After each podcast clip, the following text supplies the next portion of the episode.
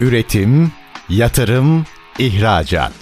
Üreten Türkiye'nin radyosu Endüstri Radyo sizin bulunduğunuz her yerde. Endüstri Radyo'yu arabada, bilgisayarda ve cep telefonunuzdan her yerde dinleyebilirsiniz. Endüstri Radyo.com Çetin Ünsal'ın hazırlayıp sunduğu İşte Bunu Konuşalım programı başlıyor.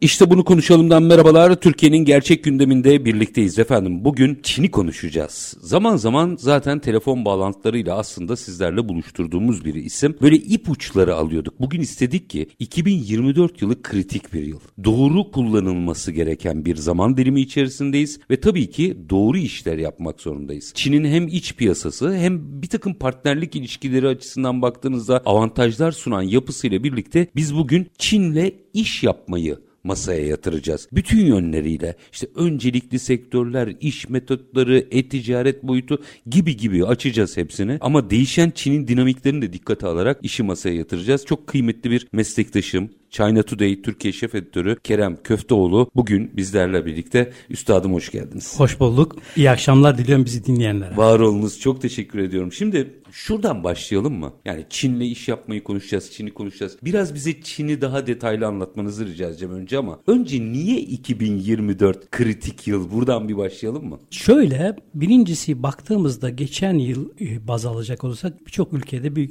daralma, bir küçülme oldu. Çin'e baktığımızda Çin hükümeti yılın başında yani 2023'ün başında ben arkadaş %5 büyüyeceğim gibi bir hedef koymuştu ve baktığımızda bu hedefi tutturduklarını gördük ki e, bu 2023 yılında birçok ülkenin pek başarabildiği bir şey değil. E, önümüzdeki yıllara ilişkin yapılacak olan şeylere de baktığımızda yine oranın büyüyeceğine ilişkin emareleri görüyoruz. Bir örnek vermek gerekirse sürükleyicileri arasında olduğu bu BRICS yapılanması vardı. Hmm. Biliyorsunuz BRICS 5 ülkeden oluşuyordu. Oldu 10. Oldu 10. İki, daha önce çok kavgalı olan Suudi Arabistan ve İran gibi ülkeleri birleştirdi. Bunları aynı çatı altında birleştirdi. Yani artık diplomaside de, sade ekonomide, dünya ekonomisinde de dip, diplomaside de atağa geçti. Eskiden Çinli yöneticilerin kendilerine göre bir mantığı vardı herhalde. Low profile dedikleri bir daha böyle hani çok fazla etliye sütliye çok fazla karışan Ahmet bir şey değil. tabirle Fransız takılırlar işlerine evet, bakarlar. Evet evet yani biz işimize bakarız kardeşim filan şimdi öyle değil. Artık ben diyor dünyanın ikinci ikinci ekonomisiyim ve bu ikinci ekonomi olmanın gereğini yapmalıyım. Her alanda aktif olmalıyım. Yani şöyle bir iki örnek vermek gerekirse bakınız BRICS diyoruz. İşte bu şey diyoruz bu RCEP dedikleri işte bölgesel ekonomik kalkınma işbirliği. Şangay İşbirliği Örgütü diyoruz. E, kuşak ve yol diyoruz. Buraya baktığımızda burada Mesela sadece kuşak ve yol için 2013'te açıklandı. Çin Cumhurbaşkanı bunu açıkladı. E, geçen yıl yani 2023 yılında da 10. yılını kutladık. Bu 10 yıllık sürede yılda ortalama %8'lik büyümelerle sonuç itibariyle bütün o kuşak ve yol üzerindeki ülkelerde 2 trilyon dolarlık bir iş hacmi oluşmuş. Bu çok önemli bir şey. Dünyanın bir de büyüme oranlarının çok üzerinde. 3 katı falan 3 katı 4 katı. Keza bu biraz önce sözünü ettiğim birlikler BRICS ve filan. Bunların hangi birine bakarsak en az dünyanın dörtte birini oluşturuyor. Oluşturan bir ekonomik yapı. Yani şimdi düşünebiliyorsunuz bu kadar büyük ekonomik yapılar Keza şu anda bu Asya Altyapı Yatırım Bankası var. Asya Yatırım Altyapı Bankası'nın verdiği kredilere baktığınızda Dünya Bankası'nı geçmiş. Yani bunu şunun için söylüyorum. Biz evet siz çok doğru olarak söylüyorsunuz. Niye Çin'i konuşuyoruz? Yani herhangi sıradan bir ülkeyi konuşmuyoruz. Diplomaside, ekonomide, teknolojide, uzay teknolojilerinde her alanda aktif bir ülke. Dolayısıyla bizim girişimcilerimiz her boyutta iş yapan ister küçük boy yani KOBİ dediğimiz şirket olsun isterse bir holding düzeyinde olsun bunların hiçbirinin böylesi bir büyük güçten bir haber olması böylesi bir güçle nasıl işbirliği yaparız hangi anlamda nasıl birbirimize güç katarız gibi bir noktada olmaması düşünebilecek bir şey değil açıkçası. Üstad şimdi nasıl iş yaparızı açacağım ama ilk önce birazcık Çin nasıl bir yeri konuşalım. Çünkü burada da şöyle bir handikap var. Çin'e bir iki kere gitmiş belki iş yapmış bir iki kere kere herkesin bir fikri var ve bütün Çin metodolojisini, Çin'le iş yapmayı ondan ibaret zannediyor. Ve bunlar toplamda genel kural içerisinde böyle bir kural oluşuyor. Doğru bilinen yanlışları, yanlış bilinen doğrulara da yol açıyor. Çünkü doğal olarak ben bir iş insanı olsam, Kerem Bey orada daha önce iş yapmış olsa sorarım derim ki ne yaptın? Peki ama Kerem Bey doğru kişi mi? Kerem Bey'in çalıştığı kişi belki dünyanın en düzgün insanı veya en kötü insanı bilemeyiz ki kriter değil. O yüzden belki de ilk önce nasıl iş yaparızı konuşmadan önce Çin gerçekten nasıl bir yer? Onu konuşalım. Bakın çok doğru bir şey söz. Öncelikle ben herhangi birinin ben Çin uzmanım diye ortaya çıkmasını gülerek karşılıyorum. Çünkü neyin Çin uzmanı? Nasıl olacaksın Çin uzmanı? Bakın 59 tane milliyet var. Bu 59 tane milliyet aynı çatı altında bulunuyor. Fakat öylesine bir şey ki bir eyaletindeki insanın konuştuğunu öbür eyaletteki anlamıyor. Bakın bir ülkenin içerisinde birinin konuştuğunu öbürü anlamıyor ve ben çıkacağım Çin uzmanıyım diyeceğim. Adama gülerler. Olasılık yok diyorsunuz. Müm- yok mümkün değil. E, bir eyaletten bir eyalete farklı uygulamalar da var. Yani bu teşvik uygulamasından tutun birçok tabii ki temelde aynı yani Elbette, sonuçta hı. bir Strateji merkezi var. Tabii strateji var yani bir plan var. Ha mesela şimdi bir de Çin denince bütün büyük ülkelerde gördüğümüz ve bizim Türkiye'de çok ama çok özlediğimiz bir an önce inşallah e, o günleri göreceğimiz strateji var, plan var. Planlama strateji, planlama strateji. Yani bugün bir şey yaşıyoruz Çin'le ilgili. Zannediyoruz ki işte dün akşam yattılar, bugün kalktılar, onu söylüyorlar. Hayır. Bu altında en az bir 5-10 yıllık bir çalışma var. Bir strateji belirlenmiş ve o strateji çerçevesinde buraya doğru geliyorlar. Günlük olasılıklarla okuyamazsınız yani onu. Mümkün değil. Dolayısıyla Çinli bir örnek vereyim size. Birisi diyor ki misal ya diyor işte bir Çinliyle tanışmış ve tanıştığı Çinli evet doğru söylüyordur.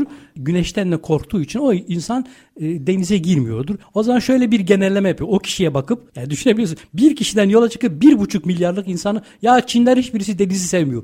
Ya bakın bu çok tehlikeli bir şey. Aynı şey iş yaparken de oluyor çünkü. İş yaparken de böyle. Yani ben diyor işte ya işte iş yaptım. işte şöyle şöyle bir şey yaptım. Bu beğendi. Ha o zaman ben bu iş yaptığım model Çin'in her yerinde, her eyaletinde ve her şirketinde tutacak gibi bir yanlışa gidiyor. Bu son derece yanlış. Bu yüzden 2-3 şeye çok dikkat etmek gerekir. Bir, Çin kendine özgü bir ülke. İki, Çin'in eyaletleri arasında önemli farklılıklar var. E, üç, oradaki kitleyi isterseniz işte gençlerin tutun, orta yaşların tutun, yaşlıların tutun. Bunların hepsini aynı kefeye koyamazsınız. Yani bir tüketici eğilimi, tüketici beklentisi dediğimiz bir şey vardır. İşte ben diyelim ki gençleri tanıdım. Gençlere yönelik mesajlarım, gençlere yönelik tasarımlarım bu orta yaş için ve yaşlılar için de gidecek gibi bir şey yok. Yani toptancı bir bakış açısı Çin'e yönelik son derece tehlikeli, son derece kaybettirici bir plan. Sözlerinizden anlıyorum ki hatta 54 yani eyaletlerin tamamındaki gençleri de ürün grubunuz orta yaşlılarsa orta yaşları da aynı kefede değerlendiremiyorsunuz. Kesinlikle, kesinlikle. Yani her yerin ona özgü kuralları olduğunu bileceğiz. Birincisi bence çok önemli bir bilgiyi cebimize koyduk. Şimdi bir araya gideceğim geleceğim. Aranın ardından şunu konuşalım istiyorum. Peki ben burada bir firmayım. Büyükleri geçiyorum. Büyükler bir şekilde pazar araştırması yapıyor gidiyor. Çünkü bunun için bütçeleri var. Hı hı. Bir kobi orta büyüklükteki bir işletme. Ya evet Çin'le benim iş yapma arzum var dediğinde sonra ne yapması lazım? Bir yolculuk yaptıralım. Çok iyi olur. Ee, minik bir araya gidelim ama aranın ardından China Today Türkiye Şef Editörü Kerem Köfteoğlu'yla işte bunu konuşalım diyeceğiz. Lütfen bizden ayrılmayın. Üretim, yatırım, ihracat. Üreten Türkiye'nin radyosu Endüstri Radyo sizin bulunduğunuz her yerde. Endüstri Radyo'yu arabada, bilgisayarda ve cep telefonunuzdan her yerde dinleyebilirsiniz. Endüstri Radyo.com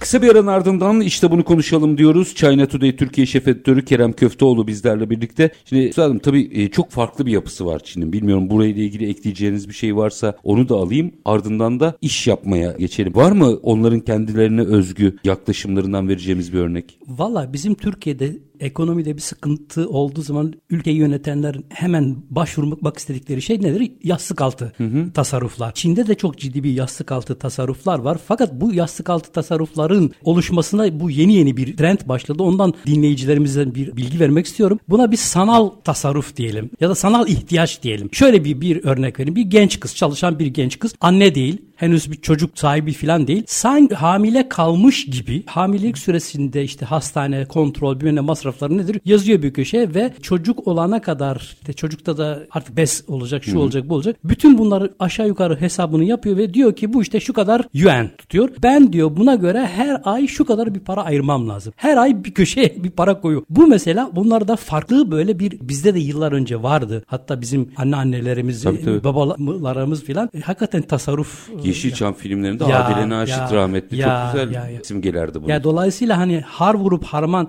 evet tamam orta gelirinde şey oluyor halkın bir yatırımı plan var ama bunları böyle har vurup harman savurmuyor. Halen yatırım yapıyor, tasarruf yapıyor. Hükümet de bu tasarrufları ekonomiye kazandırmak için çok akıllıca yollar deniyor. Denediği yollar zaman zaman bizim gibi ülkelerin kaliteli mal üretecek, kaliteli hizmet üretecek girişimcilere fayda sağlayacak. Onu da zaten konuşacağız. fonlar olabiliyor. Peki Üstad araya gitmeden önceki örneğe geleyim o zaman. Ben bir orta büyüklükteki işletmeyim. Bilmiyorum çok küçük bir esnafın oraya gitmesi çok pratik değil herhalde. Öyleyse söyleyin ne olur. Ama orta büyüklükte bir işletmeyim ve Çin pazarında ben de olmak istiyorum. Sadece oradan bir şeyler almak için değil bir şey satmak için. Alabilirim de ayrı konu. Ee, onun da yollarını anlatırsanız sevinirim. Ama ne yapacağımı bilmiyorum. Deminki ifadenizi bir daha hatırlatayım. Bölgeden bölgeye, yerden yere, sektörden sektöre değişebilir. Ama ortalama 3 aşağı 5 yukarı herhalde bir en azından olmazsa olmazları vardır. Kesinlikle. Bizi bir yolculuğa çıkarır mısınız? Tabii ki. Şimdi bakın tam da sizin dediğiniz bir kobi ele alalım. Bunun çok fazla bir sermayesi yok. Yani gidip Çin'de bir fabrika açacak durumu yok. Çin'de gidip bir kocaman ya da işte orta boy bir mağaza açacak e, gücü yok. Ama bu insan, bu girişimcimiz Çin'e mal satabilir mi? Satabilir. Nasıl satabilir? Şimdi burada ben öncelikle şunu söyleyeyim size. Öncelikli olarak bir ülkede iş yapmak istiyorsanız hani ne de halkımız arasında güzel bir laf vardır. Almadan vermek Allah'a mahsustur derler. Dolayısıyla siz orada bir şeyler almak istiyorsanız orayı iyi bilen ama altını çiziyorum. Hani her böyle ortaya çıkıp ben Çin'i biliyorum, Çin uzmanıyım diyen değil. Gerçekten orada pazarı bilen, oradaki kitleyi tanıyan, oradaki ihtiyacı bilen insanlarla çalışacaksınız. Yani onlar da çok da büyük büyük böyle milyon dolarlar falan istemiyorlar. Gene bir danışmanla konuşacak. O danışmanla konuştuğunda diyecek ki arkadaş burada ben şunu şunu şunu ü- üretebiliyorum. Burada ihtiyaç ne? İhtiyacı önce belirleyecek. Bu pazara ben nasıl girebilirim diyecek. Şimdi pazara girmenin çeşitli yolları var. Hatta sayın dinleyicilerimize hemen söyleyeyim. Tabii o şirketlerin adını söyleyemeyiz ama en azından bizim Türkiye Cumhuriyeti e, Ticaret Bakanlığı'nın web sitesini rahatlıkla önerebilirim. Orada ismini de söyleyeyim ki rahat rahat bulsunlar. Lütfen. Çok esaslı bir çalışma. Çin Halk Cumhuriyeti E-Ticaret Raporu diye bir rapor hazırlamışlardı. Bu raporda son derece ayrıntılı orada hangi markalar nasıl iş yapıyorlar, ne kadar yüzdelik alıyorlar, onlar bunların önemi ne? Bu adını söyleyemediğim bu Çinli e, pazar yeri diyelim. E- E-pazar yeri dediğimiz, dediğimiz yere. O bildiğimiz dünya çapında olan. Evet evet dünya çapında olanlar birkaç tane marka var bunlar. Şimdi orada siz size bir sayfa açıyorlar. Onlar zaten bir süpermarket gibi düşünün. O süpermarkette size bir raf veriyor ve siz o rafınızı oraya koyup malınızı satabilirsiniz. Yani bunun için Çin'e gitmenize, ille de Çin'e gidip bir mağaza açmanıza gerek yok. Burada dediğim gibi şey son derece ayrıntılı bilgiler veriliyor bu Ticaret Bakanlığı'nın. Ticaret Bakanlığı'nın sözünü ettiğim e, raporunda. Hangi bölgede hangi ürünler çünkü bir de şey var işte biliyorsunuz bu sınır ötesi ticarette zaman zaman güncelliyor Çin. Bir takım böyle listeler var. Ha, getiremezsin, götüremezsin listeleri. Bizde de var, var. her ülkede var tabii. O yani mesela şimdi kalkıp da Çin'e sokamayacağım bir mal için kafa yormanın anlamı Doğru, yok. Bu yüzden gerek yok. danışmanla çalışırsın. İki, bu sözünü ettiğim bizim Ticaret Bakanlığımızın web sitesindeki o raporu indirsinler, hatmetsinler, incelesinler, baksınlar. Yine de yine de burada bir küçük bir ayrıntı vereyim. Orada çünkü yoktu. Sanıyorum 2019 yılında yay- yayınlanmıştı o rapor. Yani ana hatlarıyla veriyor ama şüphesiz burada da yeni güncel bilgiler var. Bir örnek vereyim. Diyelim ki siz bir web sitesi açtınız Çin'de. Ürün ya da hizmet satıyorsunuz. O ürün ya da hizmete Türkiye'de bu oluyor ama mesela diyelim ki benle ilgili benim sitemde altta olumsuz şeyler yazılıyor. Ya işte sizin ürününüzü aldık da işte şöyle oldu böyle şikayet var ya da kısaca öyle diyeyim. Ben Türkiye'deki web sitemde bu şikayeti kaldırabiliyorum. Çin diyor ki hayır arkadaş Duracak. duracak orada. Bu yeni alınan bir Peki karar. gerçek değilse Ha tabii şimdi gerçek değilse bakın şöyle. Diyelim ki hakikaten birisi sizi karalamak için bir şey yapıyor. E burada gideceksiniz, anlatacaksınız. Burada, Ha, tabii bunun canım, yolu tabii, açık yani. Tabii tabii, tabii Ha, yolu açık. oldu. Ama o gerçekse o olumsuz şey bunu niye yapıyor? Bunu şey için yapıyor yani tüketiciyi korumak adına. Bu örneği şunun için söyledim. Evet bu sözünü ettiğim 2019 yılındaki rapor çok işlerine yarayacak. O çok güzel bilgiler var ama o her şeyi de anlatmıyor. Hmm. Çünkü her gün orada da bir takım değişiklikler bütün ülkelerde olduğu gibi. Ki pandemi sonrası e-ticaret bambaşka bir yere tabii, geldi. Tabii tabii. Ha bir de e-ticaretten başlamamın nedeni şu. Aslına bakarsanız pandemi öncesinde pandemi öncesinde Çin dünyada en fazla sosyal medyayı kullanan ülke olarak gidiyor. Yani nüfus öylesine bir alışmıştı ki hele hele şimdi pandemi girdi araya. Pandemiden sonra bu oran çok ama çok yükseldi. Bu şunun için önemli. Yani orada insanlar ille de sizin fiziki olarak açtığınız bir mağazadan alışveriş yapmak yerine şeye zaten alışmışlar. Online alışverişe. Zaten alışmışlar. Bu yüzden özellikle bu e-ticaret pazar yerlerinde yer almalarını yani orada o, hani deyim yerindeyse o süpermarketlerin içerisinde bir dükkan, bir raf açmalarını özellikle önerdim. Araya bir soru sorayım mı? Bir, şimdi bu bahsettiğiniz pazar yerinin bir B2C tarafı var, bir B2B tarafı var. Aynı kurallar B2B için de geçerli mi? Yani buradan başlangıcı da B2B'de de yine e-ticaret üzerinden yapabilirler mi? Tabii ki yapabilirler. Hmm. Tabii ki yapabilirler. O, o noktada bir sıkıntı yok. Dediğim gibi gideceksiniz bunu bir araştıracaksınız. Hangi ürünlerinizin nasıl bir orada yer bulacağına ilişkin. Yani ezbere gitmeyeceksiniz. Ezbere gitmeyeceksiniz. Kural bir. Kural bir. Kural iki, bazı dünyanın daha önceki sizin katıldığım programlarınızda da söylemiştim. Dünyadaki birçok fuarlarda artık eskisi gibi iş yapılmıyor. Aslında bu da biraz ülkelerle ilgili bir mesele değil. E şimdi eskiden bir fuarı bekliyordunuz. O fuarda işte yenilikleri göreceksiniz. Ama şimdi bu teknolojinin yayılması, internetin yayılması, sosyal medyanın yayılmasıyla artık şirketler, kurumlar e, yaptıkları yenilikleri zaten sürekli duyuruyorlar. Dolayısıyla siz o fuara gidince bir yenilik görmek arzusuyla gittiğinizde o yeniliği pek göremiyorsunuz. Ama Çin fuarları yenilikleri görmek açısından değil artık gerçek anlamda dünyada buluşma noktaları ve dünyaya mal satma yeri olarak. Dolayısıyla o fuarlara da izlesinler. O fuarlara da nasıl katılabilir baksınlar. Bu ithalat fuarlarından bahsediyoruz. Sadece ithalat fuarından Hepsini. bahsetmiyorum. Hatta şöyle söyleyeyim. Bu aralar biz bir şey hazırlıyoruz. Yakında bir dergiyle birlikte de dağıtacağız bunu. A'dan Z'ye Çin'de Çin fuarları. Bu Çin fuarların hangileri önemlidir? Neden önemlidir? Nasıl katılınır bu fuarlara? Hmm, dosya, haber dosyası Çok güzel bir kitapçık olacak. Bir hmm. kitapçık, bir rehber hazırlıyoruz. Orada da bu bilgilere yer vereceğiz. Yani dolayısıyla oraya gitmek için bir küçük şirketin bu yolları takip etmesi ilk etapta yapabileceği şeylerdir. Diyelim ki bu sefer yine bir kobiyim ama bu sefer ben mal almak istiyorum. Mal satmak değil mal. Burada da yine adını verebilirim çünkü bir kurum. Yakın zamanda işte Türk-Çin Kültür Derneği Çin'in madeinchina.com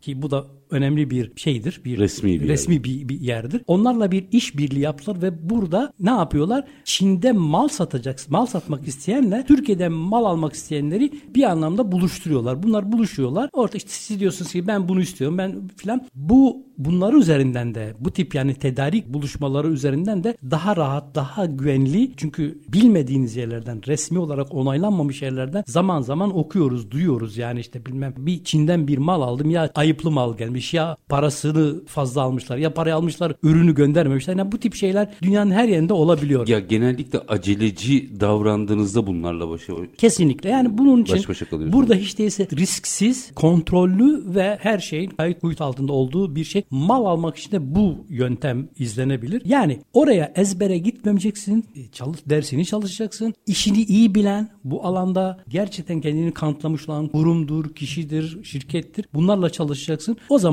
orada iş yapabilirsin. Yoksa ben kafama göre eser gider yaparım derseniz yapamıyorsunuz. Zaten bazı böyle olumsuz örnekler de var. Ama o ol, olumsuz örnekleri incelediğinizde kesinlikle net bir şey görüyorsunuz. Ben bilirim kardeşim demiş gitmiş ama batırmış. Yemiş. Şimdi diğer fırsat alanlarına da gelmek istiyorum ama önce bir şey soracağım. Yıllardır aslında Çin'i yakından inceleyen, haberlerini yapan gazetecilerden birisiniz. Ki keza hani Türkiye'deki dergilerde de yazdığı için Kerem Hocam. Yıllar içerisinde baktığınızda çok büyük bir değişim var mı? Yani değişim mi var, yolculuk mu var onu merak ediyorum. Türkiye açısından mı? Hayır, Çin açısından, pazar açısından, ülke açısından. Yani Çin Pazar açısından tabii ki çok ciddi bir değişim var. Bir kere her anlamda dışa açılma her anlamda yapıldı ve sanki artık dışa açılma hani bir ara doyuma ulaştı. Hmm. Doyuma ulaştı. Şimdi doyuma ulaştığı için artık dünyaya mal satmaya yönelik değil. Yani tabii dünyaya mal satmaktan vazgeçtiler anlamına gel. O, onu kastetmiyorum ama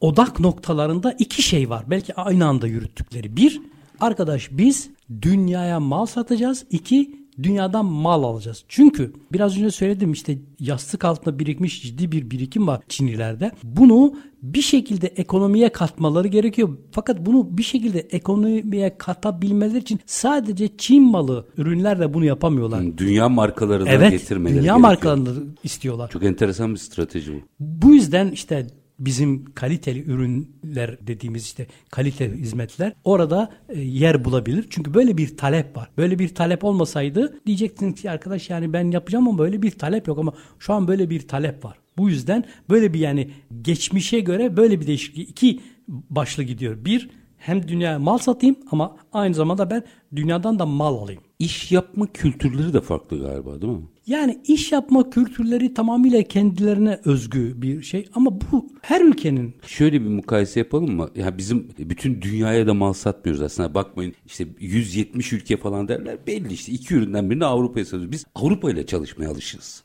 Evet. O zaman çok somut soracağım. Avrupalı müşteriyle Çinli müşteri arasındaki fark ne? Ya bir kere fiziki olarak bir farkları var. Yani boy poz, vücut ölçüleri, yüz ölçüleri falan gibi. Bir kere burada bir böyle bir fark var. Kilo bilmem. Sattığınız her şeyin Bu, bu. şeyi değişiyor. İki, oranın çok böyle yani belki batıda bunu çok net göremezsiniz. Orada bir takım renkler, bir takım semboller çok önemlidir. Yani daha önce de anlatmıştım.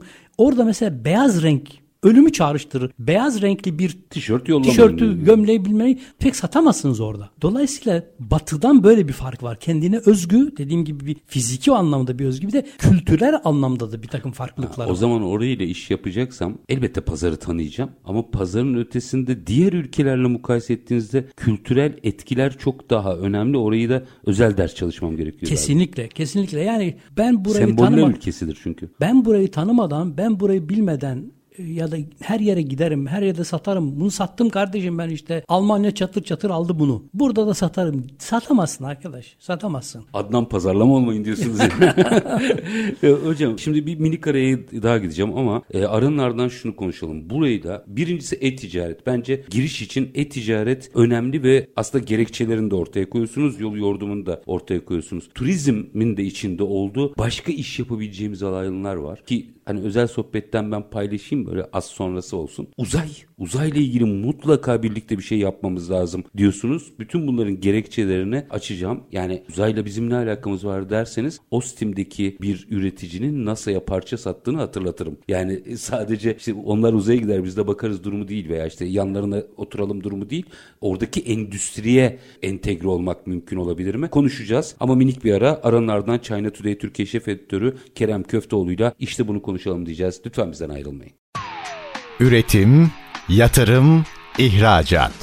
Üreten Türkiye'nin radyosu Endüstri Radyo sizin bulunduğunuz her yerde. Endüstri Radyo'yu arabada, bilgisayarda ve cep telefonunuzdan her yerde dinleyebilirsiniz. Endüstri Radyo.com Kısa bir aranın ardından işte bunu konuşalım diyoruz. Konumuz Çin, konuğumuz China Today Türkiye Şef Editörü Kerem Köfteoğlu. Şimdi e, e-ticaret tamam. Yani B2B tarafta da B2C tarafta da girişi buradan yapın diyorsunuz. Ve onun yolu yordamını da anlattınız. Evet. Başka fırsat alanları var. İş yapabileceğimiz. Yıllar önce turizmle devam edeyim. Yıllar önce siz de hatta bir tercüman da değil mi?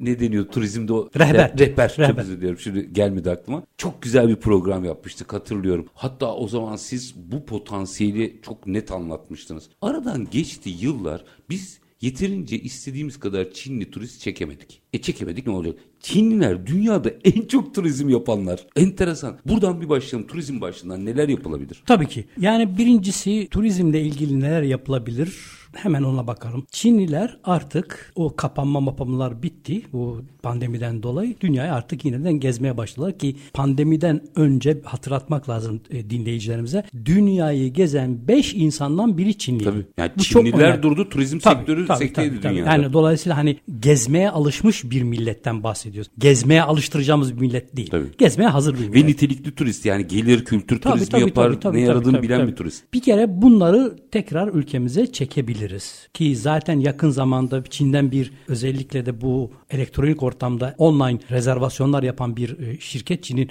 dünyaca ünlü bir şirketi geldi otelcilerle falan da görüştü ve oradaki ilk izlenim bu yıl itibariyle 600 bin Çinli turistin e, Türkiye'ye çekilmesi rakam. yönünde. Tekrar E, tabii tabii, tabii, tabii. Yani ben Türkiye'nin şimdi birkaç eksiğimiz var onları söyleyeceğim. Bu birkaç eksiğimizi tamamlamamız halinde iddia ediyorum bu biriye yazsınlar hemen tabii bu sene olur diye demiyorum. Orta vadede, uzun vadede de Yani demiyorum. 4-5 yılda gibi demek lazım. biz Çin'den en az 1 milyon turisti çok çok çok rahat alırız. En az 1 milyon. Peki nedir eksiğimiz? Ne yapmamız gerekiyor? Şimdi bir zaman bir Çinli dostumla sohbet ediyordum. Ya dedi ki sizin yetkililer sürekli bize işte 1 milyon turist gönderin, 1 milyon turist gönderin. Ya tamam dedi. Hadi diyelim ki biz 1, milyon turist gönderdik. Tabii bu benim dediğim bir 5-6 yıl önce bir şeydi. 1 milyon Çinli turisti gönderdik. Arkadaş senin Çince bilen kaç tane rehberin var? Bu benim insanlarım gittikleri yerlerde bu böyle bir alışkanlık, bir kültür yani şimdi değiştiremeyiz. Şimdi buraya nasıl ki gelen Almanı değiştirmek gibi bir niyetimiz yoksa buraya Olmamalı gelen zaten. E, Olmamalı tabii. Yani Çinli de yok arkadaş sen bizim e, şartlarımıza uyacaksın diyemeyiz. E Çinli mesela gittiği yerde işte ki 10 gün ya da bir, en az bir hafta bir tatil yapar. O en az bir haftada e, mutlaka bir gün kendi ülkesinin yemeğini yer. Böyle bir şeyi var. E kaç tane bizim nitelikli, kaliteli e, Aşçımız var, Çin aşçımız mutfağı var. Şey. Bu da sorgulanması gerekiyor. 3. Çinli turist ne ister? Çinli turist ne ister? Yani ben çok basit bir şey söyleyeyim. İki tane çok basit alışkanlıklarından bahsedeyim. Bunu bile aramamışlar, sormamışlar ve araştırmıyorlar ne yazık. Bir, Çin'e gittiğinizde bir lokantaya ki inşallah gideriz birlikte. Bir lokantaya gider oturursunuz hemen böyle kocaman bir demlik çay gelir o parasızdır. Doldur doldur iç. Doldur da biterse bir daha getirirler. Benden durumu. Bendendir yani filan. Şimdi bakın böylesi bir kültürden gelen birilerine siz gidiyorsunuz böyle küçücük böyle bir şey bardakta ve üstelik paralı veriyorsunuz. Bu adama ağır geliyor. Yani hani para ödemekten değil alışmadığı bir şeydir. Bu bir. İkincisi bir alışkanlıkları var. Yani bunun kendilerine göre haklı haksız onu bizim üstümüze vazife değil. Gezerken bunlar hani eskiden Kant derdik ya sıcak su içmeyi severler. E bu sıcak suyu imkanı ona vereceksin. Yani tura çıkarken hepsinin yanında matarası var. O sıcak suyunu dolduracak arkadaş. 3. Çok ama çok şeyi seviyorlar bunlar. Biraz önce söyledim ya dünyada sosyal medyayı belki de en fazla kullanan millet. Onların kendi sosyal medya ağları var. Yani işte batılı şey bizim çoğumuzun kullandığının hepsinin muadili hatta bazıları o batılı uygulamalarından birkaç kat daha iyi çok daha fazla şeyler yapan. Onları kullanıyor. Burada paylaşmak istiyor. Yani şimdi gitti bir yerde gördü. Bir manzara gördü, bir şey gördü ya da yemek yapılmasını gördü. Hemen tak tak orada çekecek, gönderecek. Ki bu benim reklamım. Tabii canım ülkemin reklamı. Yani onu davet eden, onu ağırlayan işte tur operatörüdür, o acentacıdır, otelcidir. Bunları bilecek. Bu basit birkaç tane şey bile ki alta indiğimizde çok daha derin, çok daha başka şeyler var. Yani arkadaş ben kimi ağırlayacağım? Bir, bunu sorması lazım. İki, bu neden hoşlanır? Bunu buna ne verirsem bu gidecek bir beş kişiyi daha gönderecek. Şimdi bir ters bir örnek vereyim, olumsuz bir örnek vereyim. Bir acenta Çin'de son derece ucuz. Yani şöyle söyleyeyim günümüz rakamlarıyla yani normalde 2500 dolara olması gereken bir turu 250 dolar gibi bir komik bir rakama sattılar. Şimdi orada bir trik var. Trik de şu. Biz ona shopping turları diyoruz. Yani alır sizi getirir der ki o sizi getiren tur operatörü ya da acenta işte kuyumcuyla, dericiyle, çömlekçiyle, altıncıyla filan anlaşır der ki arkadaş ben sana şey getireceğim. Hanut hikayesi. Ha, evet turist getireceğim. Bunlardan benim payımı vereceksin. Ne, ne demişti? 250 liraya vermişti. 2000 2500 lira turu böylesine denk getiriyor. Yine para kazanıyor. Bu arada eziyete döner tabii. Eziyete Her dönüyor. yere şey- Daha da önemlisi bir rehber, Çinli rehber dostum dedi ki ya dedi benim dedi benim dedi getirdiğim kitle son derece memnun memnuniyetsiz ve memnuniyetsizliğini işte onların WeChat Oo. dedikleri bir şeye yazmaya Yazmışlar başlar. mı? Bu dedi aman dedi sen yazıyorsun çiziyorsun uyar turizmcileri. Bu çok tehlikeli çünkü bu kendi ayağınıza sıkıyorsunuz. Ya adam diyor buraya ben Türkiye'ye geldim. Hani şöyle bir kalıp var ya hani konuşmanın Dükkan bir yerinde dükkan dedik. gezdirdiler beni. İşte nasıl bunlar zengin? Evet zengin parası var mı? Arkadaş kusura bakma burada dükkan dükkan gezmeye gelmedi. Adam örneğin Kapadokya'ya gelmiş, örneğin Pamukkale'ye gelmiş, örneğin Mardin'e gelmiş ya da herhangi başka bir yere gelmiş. Arzu ettiği için bir şey satın Tabii, alması lazım. tabii. satın Yani almak sen zorunda böyle olduğu için değil. Oradan çıkarıyorsun buraya sokuyorsun. Çünkü niye? 250 dolara sattığın o şeyi 2500 liraya çıkarman Hmm. Çok zor. tehlikeli bu. Son derece tehlikeli. Bu noktada Turizm Bakanlığımızın yetkilileri de bizi dinliyorlarsa aman yani devlet bu tip şeylere müdahale etmemeli falan gibi bir anlayışla böyle Yok. liberal bir şey. niye bu kadar ucuz diye sorması lazım. Tabii yani en azından bir şey koymalı. Bir alt üst şey koymalı. Koymalı. Yoksa bu tip yollara yönelecekler. Bu bizim ayağımıza sıkmamız anlamına gelir. Buna, bundan da kaçınmak lazım. Şimdi bir de Çinlilerle biraz daha resmi büyütelim. Birlikte ne yapabiliriz? Hı hı. Yıllar önce Dünya Turizm Örgütü'nün hazırladığı Silk Road Project yani İpek Yolu projesi var. Şimdi İpek Yolu projesini çok kısa şöyle anlatayım size. Dünyayı gezen turist kitlesi var işte çeşitli ülkelerden. Bunlar artık dünyada gezilecek yerlerin birçoğunu gezdiler. Bıktılar. Bunlar yeni bir yer arıyor. Egzotik bir yer arıyor. Keşfetmek istedikleri bir yer arıyor. İşte tam bu noktada onlara sunulan İpek yolu turizmi cuk oturuyor. Niye? Son derece egzotik, birbirinden farklı ve hepsi hakikaten keşfedilmiş bakir alanlar, bakir kervansaraylar, bakir kapalı çarşılar, bakir işte kiliseler, camiler, tarihi kültürel yerleri olan yerler var. Nerede? Bu İpek yolu kuşağı üzerindeki şeylerde. Ki bunun bir bölümü de biziz. Tabii canım biz de işin içindeyiz. Ha burada ne yapacağız? Bir, kim ne derse desin Türkiye turizmde çok ciddi yol aldı. Türkiye'nin turizmcileri çok ciddi deneyim sahibi oldular ve bu birçok ülkede de hani case study olarak çalışılıyor. Bu yüzden Türkiye'nin turizmdeki bu gücü, bu deneyimi, birikimi Çin'in de sahip olduğu işte parasal anlamda destekleri dikkate alınarak ortaklaşa başını Çin'in ve Türkiye'nin çektiği ortaklaşa paket turlar hazırlanabilir. Yani bu paket tur içinde Türkiye'de olacak, işte Kazakistan'da olacak, Özbekistan'da olacak, Çin'de olacak. 15 günlük turlar yapılabilir. Müthiş. Bakın 15 günlük turlar belki bizi dinleyen insanlar biraz ya 15 gün olur. Şöyle söyleyeyim size 2-3 ay süren gemi turları var. Bunları biliyor muyuz? Tabii. Öyle kitle var yani bu işi seven. Buna para da harcıyorlar. Pa- para da harcıyorlar. Bu son derece keyifli ve yine bir şey daha söyleyeyim. Dünyada artık turizm dediğimiz şey yani turist artık gittiği yerde deneyim yaşamak istiyor. Bu deneyimleri en iyi yaşayacağı yerler bu şey. Bu coğrafya. Orta Asya coğrafyası. Evet evet bu İpek yolu dediğimiz şey. Yani Türkiye'nin de içinde oldu. Dolayısıyla Türkiye burada e, biraz önce an, turizmdeki deneyim birikimlerinden hareketle yoksa hani ben abim şeklinde değil. Bu hani haklı olduğu bir yönden yola çıkarak Çin'le ortaklaşa bu işleri organizasyonu yapabilir. E, bu paket turları hazırlayabilir. E, bunların organizasyonunu yapabilir. Bunların iki ülkeye hatta ve hatta bu kuşak ve yol üzerindeki diğer gezilecek olan ülkelerin ekonomilerine yapacağı katkının yanı sıra bir diğer özelliği de tanıtımları. Yani düşünebiliyor musunuz? Bu birçok ülkenin turizm yapmasının altında yatan nedenlerden bir tanesidir. Çünkü buna soft power diyoruz. Tabii. Yumuşak güç. Ülkenin Türkiye marka değerini yükseltirsiniz. Kesinlikle. Yani ürün kat, Türkiye Türklere artar. karşı Türkiye Türklere karşı ön yargısı olan biri bir geliyor, ülkeyi görüyor, ya bize böyle anlatmamışlardı ben böyle bilmiyordum ya da Türkler işte o misafirperverliğini de e, bizim hani kendimize özgü halen çok şükür koruduğumuz çok özelliklerimizi görüyor etkileniyor dolayısıyla bu tanıtım açısından da e, çok Kritik. önemli bir şey. Bu da bu projede de böyle bir şey yapılabilir turizmde. Uzay. Heh, uzay denince bakın uzayda çok çok çok insanın bilmediği şimdi bir bilgiyi paylaşayım. Teşekkür ediyorum bunu sorduğunuz için. Şimdi APSCO diye bir kuruluş var. Nedir bu APSCO diye söyleyeyim. Merkezi Çin'de olan bu şeyin Asya Pasifik Uzay İşbirliği Örgütü. Şimdi dikkat edin. Asya Pasifik. Evet AP, APSCO. Bu Türkiye'nin de üyesi olduğu yanılmıyorsam 8 tane üyesi var şu anda. Ve bu APSCO'nun başkan yardımcısını bizim bir Türk kendisiyle gurur diyoruz. Doktor Ferhat Fikri Özeren yapıyor. Ne yapıyor bu APSCO? Yani kısaca söyleyecek olursak bir kere 2008 yılında hükümetler arası bir kuruluş olarak faaliyete geçti. E, barışçıl amaçlara yönelik e,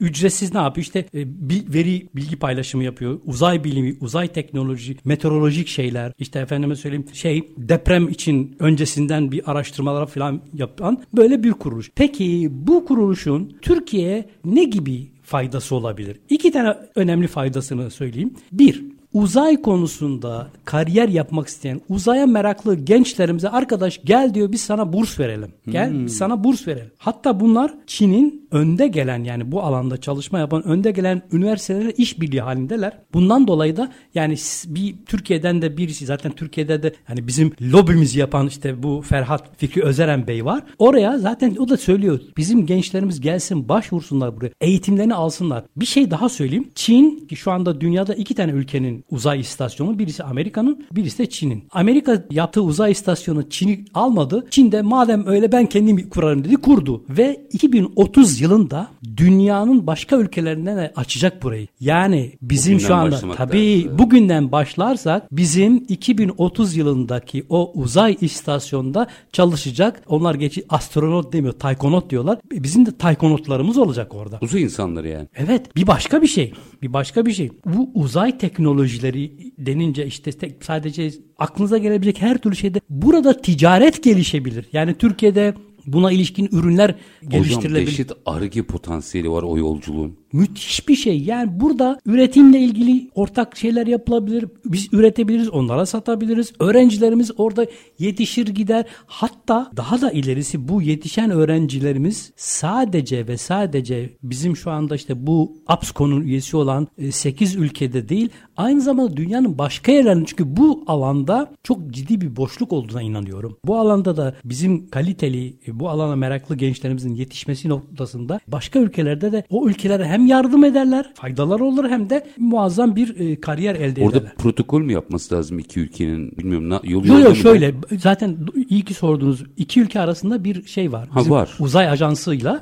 uzay ajansıyla bir protokol var. Yani Zemin sadece de hazır yani. Tabii tabii tabii. Sadece yapması gereken şey. Dediğim gibi buradaki temel sıkıntı yani sabaha kadar oturup bir sürü buna benzer örnek söyleyebiliriz ama buradaki eksikliğin ne olduğunu söyleyeyim size. Yani mesela bu uzay konusunu açtığınız için tekrar teşekkür ediyorum. İnsanlar Çin denince ya kafalarında bir şey oluşmuyor çünkü Çin'le ilgili ya fazla bir şey çıkmıyor ya da çıkarsa da ne yazık ki hep olumsuz şeyler çıkıyor. Oysa orada müthiş şeyler oluyor. İşte bu müthiş şeyleri işte bizim gibi insanlar, sizin gibi insanlar yazarak, çizerek, anlatarak bu gençlerimize, iş insanlarımıza, girişimcilerimize, kobilerimize söyleyeceğiz ki farkında olsunlar gitsinler. Birçok genç eminim bundan haberi yoktur. Yok. Doğrudur. Benle temasa geçsinler bu ya da benle uzay uzay bizim bizim bakanlık uzay ajansıyla da temasa geçerlerse burada bir şey yapabilirler. Yani farkındalık bu tip şeylerin farkında ol- olmak için en azından Çin'le ilgili objektif ya- yayın yapan yayınları izlesinler. Portallar var onları izlesinler ki haberdar olsunlar. E, ne yazık ki bu konular çok fazla yazılıp çizilmediği için insanlarımızın bundan haberi yok. E, bu çok kıymetli bir şey. Yani oradan bizim öğrencilerimizi, insanlarımızı oraya yetiştirirsek 2030'da çok farklı bir fotoğraf ortaya çıkabilir. Bir de tabii o, o güzerge içerisindeki o çalışmalarda yer almak aynı zamanda ortak argelere doğurabilir. Birçok ürün çıkabilir ortaya. Bu açıdan da önemli. Süren bitti ama var mı e, böyle iki cümlede olsa ekleyeceğimiz başka bir şey? Son bir şey söyleyeyim.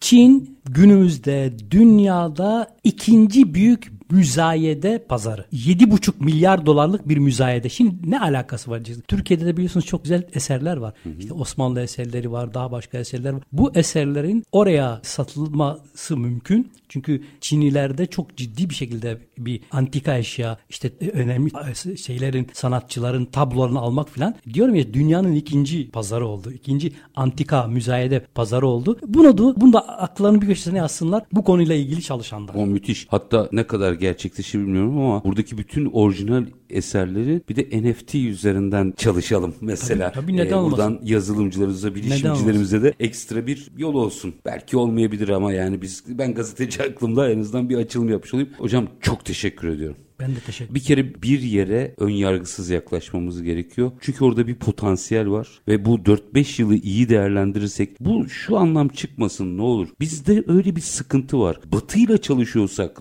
doğuyla, doğuyla çalışıyorsak batıyla küsmeye başlıyoruz. Herkesle çalışmamız lazım. Çünkü Türkiye bu potansiyeli hak ediyor sanki. Sevgili dostum dünya dört kanaldan şey dört e, yönden batı, kuzey, doğu, güney hepsiyle dost olalım. Niye biriyle dost olurken öbürüne sırtımızı dönelim ki? Ne gerek var ki? Ve hepsiyle iş yapalım. Tabii canım. China Today Türkiye Şef Editörü Kerem Köfteoğlu. Çok teşekkür ediyorum. Ben de teşekkür Var ederim. Yine zaman zaman sizleri tabii rahatsız edeceğiz. Başım gözüm üstüne. Çünkü bu konuda o kadar karışık ve yan- yalan yanlış bilgi var ki yine güvendiğimiz bir meslektaşımızdan alıyoruz gördüğünüz gibi meselelerin aslını astarını. Bugün konumuz China Today Türkiye Şef Editörü Kerem Köfteoğlu'ydu. Kendisine teşekkür ediyoruz. Çin'i, Çin'le iş yapmayı, pek konuşulmayan uzay başta olmak üzere başlıkları sizlerle paylaştık efendim. Biz her zamanki gibi bitirelim. İşinizi konuşun, işinizle konuşun. Sonra gelin işte bunu konuşalım. Hoşçakalın efendim.